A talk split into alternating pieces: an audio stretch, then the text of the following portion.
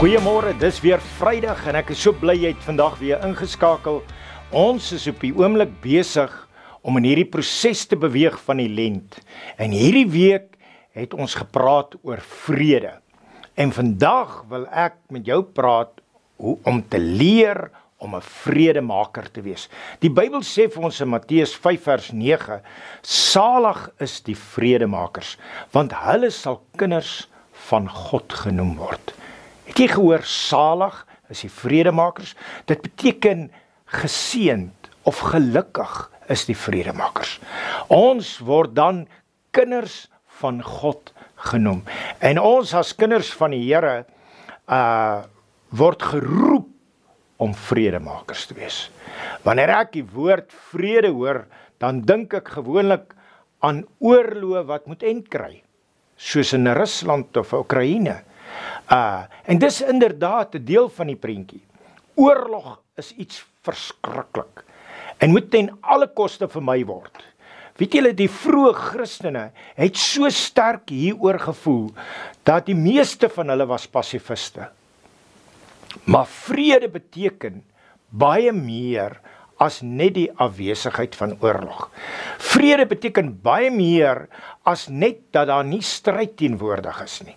Dit gaan ook oor wat ons in ons gemeenskap of in ons gemeente of in ons vriendekring of ons werksituasie of selfs binne in ons familie gebeur. Want waar mense bymekaar is, gaan hulle altyd skouers skuur. En hulle verstaan mekaar verkeerd want die vyand werk deur misverstand. En voordat jy jou oë kan uitvee, is daar spanning en vyhandigheid en verdeling en so kan ons aangaan. So, ek begin saam met God te leer hoe om 'n vredemaker te wees in my huis, in my verhoudings, in my werk. Uh ek leer hoe Jesus dit doen. Dit kan dalk 'n tydjie neem. Dit kan selfs 'n jaar of 2 duur. Dis eintlik 'n lewenslange reis van disippelskap. Dis eintlik 'n 'n 'n pad wat ons op pad is iewers heen waar ons in die voetspore van Jesus loop. Waar ek leer om op te tree en te wees soos Jesus.